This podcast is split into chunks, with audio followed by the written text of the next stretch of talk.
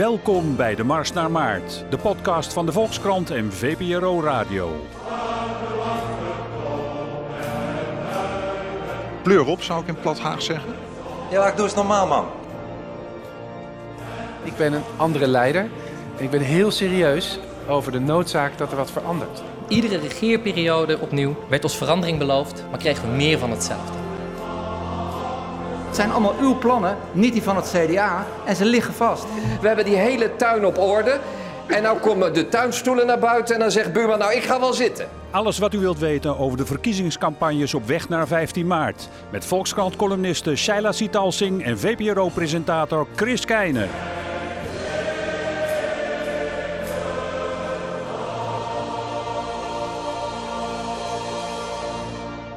Goedemiddag, Shaila. Dag Chris, goedemiddag. Op maandag 13 maart rond het middaguur.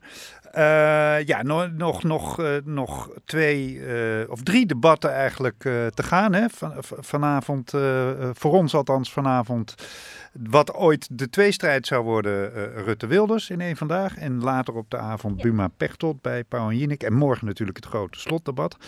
Um, nou, dan gaan we even een klein beetje naar vooruit kijken. Zullen we dat eerst eens even doen in het licht van uh, de gebeurtenissen van het, uh, van het afgelopen weekend? Uh, ja, dat zijn nogal gebeurtenissen. Dat ja. was een boeiend schouwspel, ja. Um, mijn, mijn eerste vraag, hoe jij dat inschat, zou zijn: is hiermee de tweestrijd, namelijk Rutte-Wilders, die toch een klein beetje naar de achtergrond leek te zijn verdwenen, is, is die hiermee weer terug, uh, denk je? Want je zou kunnen zeggen, aan de ene kant uh, de, de, de, blanke top der duinen van Geert, die kreeg weer eventjes het licht op zich. Want er stonden heel veel boze jonge Turkse mannen in Rotterdam. en aan de andere kant zou je kunnen zeggen, bovenop die blanke top staat een juichende premier Rutte, want die heeft laten zien dat hij niet over zich laat lopen. Hoe schat jij het in? nou, ik, ik, zou geneigd zijn tot dat laatste. Uh, onder elke andere omstandigheid, als er geen verkiezingen zouden zijn geweest, zou denk ik de reactie een andere zijn geweest. Hmm. Ik denk niet dat er dan zo snel een waterkanon zou zijn uitgerold. Nee. Onder deze omstandigheden was het denk ik voor Rutte ja, zonneklaar dat hij uh, uh, de rug recht moest houden, om maar een favoriete Geert Wilders uitdrukking te gebruiken. Dat heeft hij gedaan en ik denk dat hij daardoor uh, Geert Wilders juist heel veel wind uit de zeilen heeft genomen. Door zich, nou ja, en uh, uh, nou ja, een beetje als, als een leider op te stellen, hard waar nodig. nou ja, al die dingen die Wilders hem zou kunnen verwijten, Hmm. heeft, hij, nou, dat heeft, hij, heeft hij allemaal niet gedaan. Hij is zich gewoon prima, prima Wildersachtig opgesteld. Dus ik denk dat het voor Wilders heel ingewikkeld wordt om daar vanavond of straks in dat debat nog grote verschillen in, um, in, in, te leggen, grote accentverschillen in te leggen. Kijk, Wilders zal natuurlijk zeggen dat het altijd nog te slap is en dat ze veel eerder hadden moeten ingrijpen en dat Mm. alle Turken het land uit moeten. Hij zal het natuurlijk wat extremer trekken. Mm. Maar om het verschil met Rutte groot te maken, zal hij zo extreem tekeer moeten gaan dat ik denk dat Rutte hier op punten wel heeft gewonnen. Rutte Ja. heeft hier wel een puntje te pakken. En denk je niet dat, uh, want het, het, het wordt natuurlijk in de beeldvorming meteen ook weer de, de mislukte integratie. Hè? Want uh, de, deze mannen uh, en vrouwen, dat heb ik niet helemaal goed kunnen zien of hoeveel vrouwen erbij waren, maar die daar stonden, die, die zouden zich dan meer Turk dan, dan Nederlander voelen. Dus de integratie is mislukt. En dat roept, dat roept Wilders natuurlijk al, al 15 jaar. Het multiculturele drama, noem het allemaal maar op. Um, kan die daar dan nog kaantjes uitbraden? Uh, zou kunnen, maar ook daar kun je natuurlijk zeggen: kijk, er zijn 400.000 uh, Turkse Nederlands, Nederlanders in Nederland. Mhm. Ik geloof 320.000 daarvan hebben een dubbel paspoort, dus om die mensen gaat het. Ja. Een deel daarvan is overigens niet kiesgerechtigd, natuurlijk, want dat zijn kinderen. Um, en een groot deel daarvan gaat ook helemaal niet stemmen. Er gaat, uh, ongeveer de helft daarvan gaat stemmen. En onder de mensen die gaan stemmen zitten natuurlijk veel Erdogan-aanhangers. Maar goed, dan heb je het over een redelijk overzichtelijke groep. De mensen die daar bij dat, uh, bij dat consulaat stonden afgelopen zaterdag. Nou, dat waren er meer dan er tegenwoordig gemiddeld op een uh, Geert Wilders uh, happening afkomen. Maar ook weer niet zoveel dat je denkt van jeetje meneetje, wat is, wat is hier aan de hand? Het, het zijn overzichtelijke aantallen. En ik denk dat Rutte ehm, met, met de, de, de, heel goed het punt kan maken van, nou goed, er zijn gewoon, er is gewoon een hele grote middengroep, hele redelijke Turken in Nederland, daar gaat het hartstikke goed mee. En er zijn er een paar die staan met de vlag te zwaaien. Nou, daar gooi je een waterkanon overheen opgelost. En wat onverlet laat dat er natuurlijk een achterliggend probleem is. Kijk, in het verleden zijn er natuurlijk allerlei extremistische groeperingen hebben ruim baan gekregen in Nederland. Uh, we hebben heel lang natuurlijk geen zicht gehad op wat er allemaal gebeurt in die moskeeën. Uh, en types als de Grijze Wolven en hoe heten ze allemaal. die hebben natuurlijk allemaal. Ja, die hebben natuurlijk allemaal wel uh, kans gehad om hier voet aan de grond te krijgen. Soms zelfs met subsidie en hulp van de Nederlandse regering. Ja. Dat is natuurlijk al een tijdje niet meer zo. Um, Hmm. de, de Asscher heeft zelfs op een gegeven moment de dialoog verbroken met, uh, met, met allerlei organisaties. Is er vrij hard ingegaan. Ik denk ook misschien wel te hard. Maar er is. Um, dit, het is natuurlijk dat was de reden voor de afsplitsing van Denk, hè? Laten we dat ook nog eventjes uh, memoreren. Jazeker. Er is toen, er is toen een, uh, een, een, een, een, een tamelijk verontrustend rapport gekomen van Motivation. Waarvan alles mee aan de hand bleek te zijn. Het ja. rapport bleek niet te kloppen. Maar nee, Asscher heeft dat die, met name. Ja. heeft die conclusies. Nou ja, heeft ze wel echt met twee handen aangegrepen Hmm. om heel hard op te gaan treden tegen ergernissen die er al langer leefden, ook onder Nederlandse beleidmakers, over ja, die, die, sommige elementen in die Turkse gemeenschap die je hier toch liever niet hebt. Dus het is, het is niet zo dat um, dat is blijven liggen de afgelopen pakweg zeven jaar. Nee. Dus ook is dat iets waar Asscher nog zijn voordeel mee kan doen de komende twee dagen, denk je? Of is dat uh, te genuanceerd uh, voor deze campagne? Um, het is um, misschien niet per se te genuanceerd voor deze campagne. Want er zijn er ook heel veel kiezers, met name zwevende kiezers, die ook snakken naar een wat genuanceerder geluid, Mhm. mm -hmm. denk ik. Het is wel te laat, denk ik, voor Asscher. Ja, Mm. Het heeft twee dagen. Het is een, uh, een verhaal waar je wat tijd voor nodig hebt om dat Mhm. te, te onderbouwen en duidelijk te maken. Dus uh, het is misschien wel een beetje iets aan de late kant om voor Asscher nog echt een game changer te zijn, ben ik bang. game changer, ja. Ja, ja me... game changer. Ik moest hem er één keer ingooien, Chris. nee, ik vroeg me af wat het, Turks, wat het Turkse woord voor game changer zou zijn, maar uh, ja. ik kon het zo gauw niet vinden op, uh, op, op nee, Google. Mijn Turks is niet zo goed, nee. nee. Um, als je ontvangt vandaag wel de Turkse organisaties, hè? Um, dat, daar moeten we maar niet al te wantrouwig over doen dat dat ook voor de verkiezingen is. Dat lijkt me gewoon iets wat hij als vicepremier gewoon nu moet doen. Lijkt me ook. Kijk, het komt iedereen goed uit dat dit vlak voor de verkiezingen is. Het komt Rutte goed uit, want hij heeft een statement kunnen maken. Ik zag uh, Pechtold, uh, wanneer was het? Zaterdag op tv. Nou ja, ook hè, 10 centimeter langer, zo ongeveer borst vooruit. Dat hij uh, heel, heel, heel premierachtig zeggen dat hij dit toch wel inderdaad heel verstandig vond.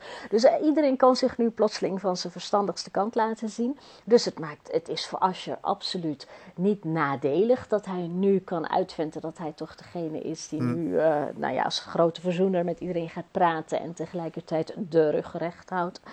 Om die nog maar eens er een keer in te gooien. Um, dus ja, nee, het komt iedereen hartstikke goed uit. Ja. Dus, uh, zou, het, zou het ook zo gegaan zijn? Want het, het begon natuurlijk allemaal heel kleinschalig. Er was een partycentrum, daar heb ik een foto van gezien. Nou, ik zou, ik zou mijn party er niet organiseren, eerlijk gezegd. Maar er was een partycentrum in, in Rotterdam waar de minister uh, van Buitenlandse Zaken zou komen spreken. Uh, als je dat gewoon had laten gebeuren, was er toch helemaal niets aan de hand geweest. Ik bedoel, helemaal in het begin is er natuurlijk wel iets misgegaan. Iets gebeurd wat, denk ik, niet gebeurd zou zijn als er geen verkiezingen waren. Nou, ik denk dat het door de verkiezingen heeft dit absoluut een, een, een andere dynamiek gekregen dan het onder normale omstandigheden zou hebben gehad. Nederland is altijd toch wel van de stille diplomatie en achter de schermen dingen oplossen. En eh, nooit, eh, normaal gesproken zijn ze juist te veel van de stille diplomatie. Dat je denkt, nou verhef je stem eens een keer en sla eens een keer met je vuist op tafel. Hmm. En dan wordt altijd, nee, nee, die snapt er niks van. Dat doen we juist... Uh, achter de schermen. Ja. Uh, met als grote dat heeft als grote voordeel dat we niet goed weten wat er gebeurt. Ja. Ehm, uh, het, dat dit zo gebeurd is, heeft absoluut te maken met de verkiezingen. Of dit anders had gegaan had kunnen zijn, ik weet het niet. Ja, ik zag afgelopen weken toch ook veel commentaren in de richting van... Rutte, je laat over je heen lopen, kom op, uh, we laten toch geen uh, campagne hier voeren... voor, voor, voor een, een vreemde mogendheid. en dan ook nog eens voor een referendum waarbij um, het land in een autocratie zal veranderen. Dat laat je toch allemaal niet zomaar gebeuren. Verhef je stem, verhef je stem. Dus ik denk dat het ook niet veel anders had gekund. Als hij het Hmm. door had laten gaan in, dat, uh, in al die treurige partycentra, uh, had gekund. Maar dan hadden we wel beelden gehad op het journaal Ja. van jonge Turkse Nederlanders met vlaggen. En hè, als je een beetje goede cameravoering voert, lijkt het alsof daar duizenden mensen staan. Dat was niet lekker geweest. Nee, nee, dat ik had denk- Geert Wilders wel in de kaart Nee, gespeeld. Dus het, het- het dus had, het had om- niet anders gekund. Nee, omdat er verkiezingen waren, kon het denk ik inderdaad niet anders. Maar ik, Nee, ik bedoelde meer te zeggen, als er geen verkiezingen waren geweest, was het moeilijk Dan was het gegaan. anders gelopen. Ja, Nee, ja. dan was het anders gegaan. Absoluut. Dan was het absoluut anders gegaan. Ja, zeg, en ehm, ik, ik vond eerlijk gezegd, als er nou één partij is die in, in deze kwestie een, een standpunt eh, in had te nemen, of er iets mee zou kunnen, dan was het wel Denk. Je had het er al over. Het, was precies de aanleiding waarom zij uit de Partij van de Arbeid weg waren gegaan, was die, die bemoeienis van Asscher met eh, eh, de, de manier waarop Turkse organisaties in Nederland opereren, onder andere. Ehm, ik vond ze eigenlijk nogal stil dit weekend, alsof ze niet precies wisten wat ze hier nou mee moesten. Wat dacht jij? Ja, nou, ze hebben inderdaad, ze zijn heel lang een beetje afwezig geweest. Eh, toen Aung Kuzu had twee of drie tweets uitgedaan en verder was hij niet bereikbaar. Nou ja, dat kan een functie hebben, want iedereen is nieuwsgierig naar wat Denk vindt. Dus ja, je, je creëert schaarste. Wilders doet dat ook, hè? gewoon even schaarste creëren. Het kan een functie hebben. Het kan ook zijn dat hij gewoon geen idee had wat hij moest zeggen. Ze hebben een filmpje eh, gepubliceerd op hun Facebookpagina eh gisteren, waarin eh toen Kuzu de grote verzoener uithangt en de enige met het echte redelijke verstand. En we moeten toch vooral eh, ons niet tegen elkaar laten opzetten. Nou ja, allemaal schitterende woorden, ook, eh, gezi- ook, ook tegen de geschiedenis van Denk eh, tamelijk ironische woorden. Ehm, kijk, het zou. ik, ik, ik sluit niet uit dat het heel goed kan zijn Hmm. voor Denk. Dat, is, hè, de, de, er zijn natuurlijk ook, ook, ook genoeg mensen eh, eh, boos over deze gang van zaken. En dat zijn er genoeg voor een paar zetels. Dus Ja. dat, dat, dat, zal denk, eh, dat zal Denk allemaal geen, eh, geen windeieren leggen. Ehm, aan de andere kant vond ik ze nou ook weer niet heel erg overtuigend optreden. Je- Nee, je, zou denken, grijp, aarzelend. grijp Ja. je moment. Ja. Ja, grijp je moment. eh, reis af naar Nieuwsuur. Zeg, ruim de uitzending in voor mij. Ik ga nu een sluitend verhaal houden. Hm. Dat hebben ze niet gedaan. En dat eh, zou er misschien wel mee te maken kunnen hebben dat ze dat sluitende verhaal niet hebben. Maar goed, dat weten we niet, want we Nee. hebben het niet gehoord. Nee. Goed, even ehm, voor we een beetje terug gaan blikken op de campagne wat mij betreft en wat jou betreft ook, want dat hebben we eh, vanochtend besproken. Ehm, even de laatste twee dagen. Eh, de VVD zet, zet alles op Mark op een, op een misschien nog wel persoonlijker manier dan, eh, dan anders. Hè? Waar die zelf volgens mij een klein beetje ongemakkelijk mee is. Ik zag dat laatste spotje. Dat laatste spotje, dat, waar die toch een klein beetje als een konijn in de koplampen kijkt. Dat, dat, dat, hij, het, het ligt hem toch ook weer niet, hè? Die, die hele eh, persoonlijke campagne.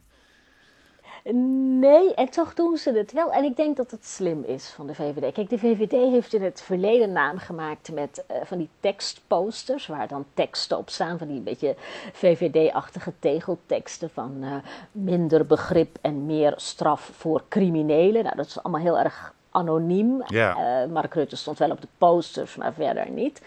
En ze hebben de- deze keer heel duidelijk voor gekozen om hem neer te zetten als enerzijds eh, de premier en hè, de man eh, die alles kan. En anderzijds als die ontzettend vriendelijke, benaderbare, leuke, sympathieke man die hij ook is. Ehm, en dat hebben ze, eh, ik vind het toch wel echt heel knap gedaan. Het, zijn, het is een serie filmpjes. Op YouTube staan er wat kortere en wat langere. Dat hij voor zo'n blauw scherm zit met zo'n wit overhemd, open overhemd. Ja. Heel ontspannen. En dan, nou ja, heel ontspannen allemaal eh, vragen beantwoord. Hij, eh, er is ook een, een, een, een advertentie van in print, een gedrukte advertentie met allemaal Ja. fotootjes van Mark Rutte met Hele allemaal pagina, kreten erachter. Ja, maar heel persoonlijk ook. Dat hij vrijgezel is en hoe lang hij is. Ik Ja. geloof 1,93 meter. 93, Ja. En eh, Klein mannetje. dat hij eh, Ja. gelovig is. Ja. ja, ga jij daar boven, Chris? Ja, Ja hoor, heel goed. ruim 10 Ja, zetels, eh ja, centimeters. Ja. Ja. Eh, maar dat is, ehm, ja, het, het, het, het, is, het, het ligt Rutte in die zin eh, misschien iets minder, omdat hij nooit zo'n man van de hele persoonlijke dingen is. Nee. Maar het, het, ik vind het wel werk hoor, die filmpjes. Hm. Het heeft iets ontspannends. Het heeft iets, eh, iets van, nou jongens, dit ga ik op mijn sloffen halen. Dat, dat, dat zit er ook wel een beetje in. Ja. En, en, dan, filmpjes. en dan Wilders deze laatste dagen. eh, die, die campagne is, nou ja, ik, we hebben het er eerder over gehad. Dat we geen van beiden precies begrijpen wat, wat die campagne nou, nou wil. Vanochtend een interview in de Telegraaf. Een, een beetje een stekelig interview waarin hij vooral toch boos en geïrriteerd lijkt. En, en aan, het aan de stok heeft met, met journalisten. Maar wat mij wel opviel, hij, hij preludeert daar op nog acht, negen jaar Kamerlidmaatschap. Ik bedoel, premier worden, daar gelooft hij zelf ook helemaal niet meer in. Hè? Nee, nee, het is een buitengewoon interessant interview. Het is inderdaad tamelijk stekelig. Het is ook heel leuk opgeschreven. Hoor. Ja, Het is heel, heel, goed gedaan, eh, vond ja, ik het is ook, gewoon ja. echt eh, ja, heel, heel goed eh, balletje, balletje opgeschreven. en eh, wat mij opviel is als je dat leest, dat je denkt, nou Wilders heeft, gelooft er ook niet meer in. Hij, Nee. hij, eh, hij, eh, hij laat zich geen moment... ehm, erop voorstaan dat hij toch nog steeds de grootste kan worden en dat hij gewoon premier wil worden en dat allemaal kan. Wa- wa- Wat je, norma- wat je normaal gesproken in een campagne gewoon wel hoort te doen. Hè? Ook al ben je Henk Krol, dat je gewoon blijft volhouden. Het kan nog, jongens. Dat heeft hij helemaal laten varen. Hij, eh, hij zei ja, nee, ja, hij zegt ook ergens, ach ja, je moet een sterke oppositie is ook belangrijk. Dus alsof hij zich er al Ja, compleet bij precies. neer heeft gelegd Ja, dat hij de oppositie gaat doen. Hij, zegt, hij noemt ook inderdaad heel concreet aantal van, nou ja, acht of negen jaar, ja, dan zit ik er nog wel. Het klinkt alsof hij uitgeblust is, alsof hij er ook geen zin meer in heeft, Hm. alsof hij er helemaal klaar mee is. Ik vind dat wel interessant. Het is niet de, de, de strijdlust die we normaal gesproken van Wilders kennen. Nee, nee. Nou goed, spannend dus of daar vanavond eh, iets, iets van te zien is weer, van die strijdlust. Ehm, laten we heel even naar de linkerkant eh, gaan. Natuurlijk, de gebeurtenis van vorige week was eh, die, die grote bijeenkomst in de, de voormalige Heineken Music Hall. Ehm, heeft Jesse Klaver, heeft GroenLinks daar nou eigenlijk wat aan gehad? Want het valt mij op dat, dat, dat GroenLinks eigenlijk al een week of twee niet meer echt beweegt in de peilingen in ieder geval. Ja, ja, jij twijfelt aan het nut hè, van, van, van die bijeenkomst. Ik, ik weet het niet of ik daar nou. Ik, ik, ik vind het heel knap wat GroenLinks eh, doet. En, en met name Jesse Klaver. Ook als je historisch kijkt naar hun zeteltallen. Ze staan in die peilingen. Weet je, ook al zit er misschien de laatste twee weken niet heel veel groei meer in. Nee. Maar ze staan op historisch hoog aantal. Nee, natuurlijk. Elf zetels Ehm, erbij of zo, ja. Ja, en eh, hun, hoogste zeteltal ooit Ja. was in 1998. Nou, dat is behoorlijk lang geleden onder Rozenmuller. Toen hadden ze elf zetels. Nou, Ja. daar gaan ze nu echt vet overheen. Dus hoe dan ook vind ik dat GroenLinks een hele knappe campagne heeft gevoerd. En met zo'n bijeenkomst, ja weet je, het is, aan de ene kant heeft het iets heel ouderwetsig, zo'n massabijeenkomst. Aan de andere kant heeft het iets heel gelikt en modern, een beetje popconcertachtig bijna. Je zag... eh, Bram van Ooyek, die stond ook een beetje ongemakkelijk erbij. Maar ja, die doet wel lekker mee. Want die denkt, nou weet je, voor hetzelfde geld eh, zit GroenLinks straks aan tafel. En is hij minister van Buitenlandse Zaken. Dus ze doen wel allemaal mee, hè? ook die oude GroenLinksers. Die denken, nou, je moet er wel even bij zijn. Ik, Jesse is wel een feestje waar je bij moet zijn. Ja, nee, Dus zeker. Ik, ik vind dat hij dat wel goed doet, hoor. Ik was- en ik was- nog steeds... Ja, Mhm. nee, ga maar af. Nee, ik wilde zeggen, het is toch nog steeds op links toch wel ja, de, de, de meest overtuigende partij. En in, in de peilingen toch nog steeds wel bovenaan staand. Ja. En Roemer kruipt iets dichterbij. Maar eh, ja, GroenLinks houdt toch nog wel... ehm, ja, die houdt toch wel momentum, vind ik. Ja. Ehm, even die campagnes in het, in het algemeen. Even, even terugblikkend. Was jij, eh, was jij blij met de campagnes deze keer? Jawel, op zich wel. Ik vond het, eh, er, er was af en toe geklaagd van, ja jongens, er gebeurt niks. Maar anderzijds vond ik, ja toch, toch heel mooi. Er is ontzettend veel aan bod gekomen. Dankzij ook hele goede media. Ik bedoel, we hebben Nieuwsuur Nou, gehad, Pauw en Jinek. Ja. En weet je, het ging niet alleen om die debatten, maar daar heb je ook gewoon in Nieuwsuur. Zit gewoon een, een half uur of een uur lang zit zo'n lijsttrekker. Die wordt heel indringend bevraagd. Ja. En door heel betrokken mensen uit het publiek en door journalisten. Alles komt langs. Van voltooid leven tot gasboringen in Groningen. Tot de AOW-leeftijd, tot de zorg, tot de ouderenzorg. Alles is langsgekomen. Dus dat vond ik wel echt heel mooi in zijn En als je kijkt naar hoe die partijen het hebben gedaan. ehm, ja, wat ik wel, eh, ja, toch, toch wel hele leuke, knappe dingen. Ook als je kijkt hoe het CDA dat bijvoorbeeld heeft gedaan. Die zijn er toch in geslaagd om op een hele knappe manier zo'n Buma, toch een beetje saaie, grijzige man is, te manoeuvreren in het centrum. Om hem toch als een soort geloofwaardig alternatief op rechts te presenteren. Mede dankzij dat eerste debat, eh, RTL-debat, waar Rutte afwezig was en Wilders afwezig was. Dus dan was Buma, nee, dan hoef je niet zo heel veel te doen om dan de meest rechtse te zijn. Dus dan ben je meteen een mooi geloofwaardig alternatief. En ze hebben die, die saaiheid en die degelijkheid van die Buma, hebben ze toch lekker weten uit te braden door nou ja, heel aannemelijk te maken voor, voor, voor een deel van het CDA-achterban en, en, en mensen die daarover twijfelen. Nou ja, dat dat ja, gewoon een redelijke man is en dat eh, alles daar wel in goede handen bij is. Ja. Ze hebben ook heel geestig ingehaakt. Hè? Dus op, ze hebben van die spotjes op de radio. Het is een verschrikkelijk spotje, maar eh, ja, toch, toch wel knap vanuit CDA-perspectief. Van, wat, is een, eh, wat is een optimist? Ja, dat is iemand die alles weglacht. Dus daarmee hebben ze Ja. Rutte. Wat is een pessimist? Dat is iemand die anderen de schuld geeft. Daarmee hebben ze het hele Wilderskamp en, en, en, en, en de ontevredenen. En wat is Siebrand? Ik ben een realist. Nou Ja. het is, het is Ja. allemaal heel erg. En tegelijkertijd vind ik het wel knap. En ze houden nu ook bij het CDA heel erg vol van... nee, Siebrand is gewoon nog in de race voor het torentje, hoor. Nee, dat, eh, dat debat met eh Pechtold... hè, Vanavond laat bij vanavond, Pauw en eh, Jinek, ja. Ja, wordt hij tegenover Pechtold gezet. Dat is een soort ja, gel- gelukje voor de redactie van Pauw en Jinek. Want toen ze dit planden, eh, Buma versus Pechtold, wisten ze nog niet dat die allebei nog in de race zouden zijn voor een eh, behoorlijke positie. En dat is nu toch een soort alternatief premiersdebat bijna aan het worden. Want het zou zomaar kunnen dat eh Pechtold of Buma nog een sprintje maakt deze laatste Allebei op dagen. Dus dat is 12%, ook heel interessant. 18 tot 20 Ja. zetels in de peilingwijzer van Ja, vanochtend, ja. ja, ja, ja, dus wel gewoon sleutelpositie, allebei.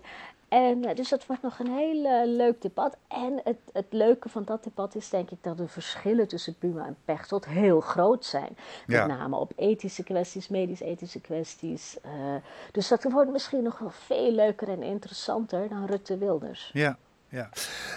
Waar wij het eigenlijk eh, deze eh, serie podcast vrij weinig over gehad hebben. Dus dat moeten we nu op het laatst, maar misschien naar verhouding ook wel terecht, eh, een beetje goed maken. Nog, nog even de kleintjes doornemen. Nou, Henk, Henk hebben we het natuurlijk wel vrij veel over gehad. eh, die ook Ja. wat kleiner is geworden in de loop van onze gesprekken. Hij gaat vandaag geloof ik met een helikopter nog het hele land door. Dus Ja, wie weet, Heli heli- Henk, ja. helico- ja, Heli Henk.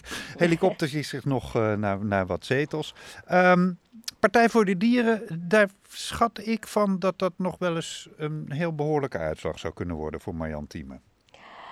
Ja, die heeft in de peilingen ook consequent eh, nou, re- redelijk eh, mooi gestaan, zeg maar boven wat ze nu hebben. Ze hebben twee zetels in de Tweede Kamer op dit moment. Ze hebben in die, in die peilingwijzer altijd wel ergens tussen de drie en de vijf of de vier en de zes gestaan. En ze staan nu nog steeds op tussen de vier en de zes. Dus dat zou zomaar een verdubbeling van hun zeteltal kunnen zijn. Dat is heel mooi. En ze heeft natuurlijk wel een, een, een bijzonder punt te pakken met die klimaatverandering. Zij is eigenlijk de enige, eh, samen met GroenLinks misschien een beetje, Ja. die daar echt een punt van maken. En nou ja, het is, we weten uit allerlei onderzoeken dat duurzaamheid, klimaat, dat dat niet de, de issues zijn waar Nederlandse kiezers enorm warm voor lopen.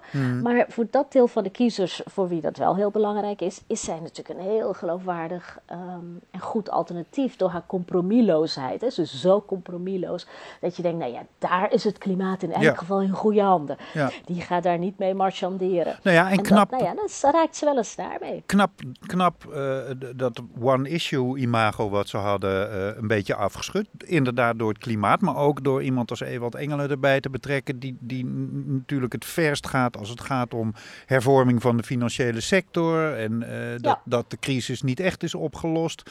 Dat hebben ze knap gedaan. Ja, nee, absoluut. Ze heeft een hele goede verbreding van die agenda. Ehm, en ze zegt eigenlijk, ja, wij zijn eigenlijk de enige eh, partij met een wereldagenda, omdat we over het klimaat en duurzaamheid gaan. Eh, en ik vind dat ze dat item wel heel knap bij GroenLinks vandaan heeft gekaapt, hoor, voor Ja. een deel. Als, je- als je nu duurzaamheid, klimaat, denk je toch eerder aan Marianne Thieme dan aan Jesse Klaver. En dat is heel slim van haar geweest. Dat heeft ze goed gedaan. Ja, nou ja, dan natuurlijk die andere eh, eh, ongelooflijk spannende tweestrijd. Die tussen Jan en, eh, en Thierry. Hè? VN, VNL en Forum voor, voor Democratie. Ik hoop zo ongelooflijk dat Forum voor Democratie twee zetels haalt. Want ik wil zo graag Theo Hiddema in de Tweede Kamer zien.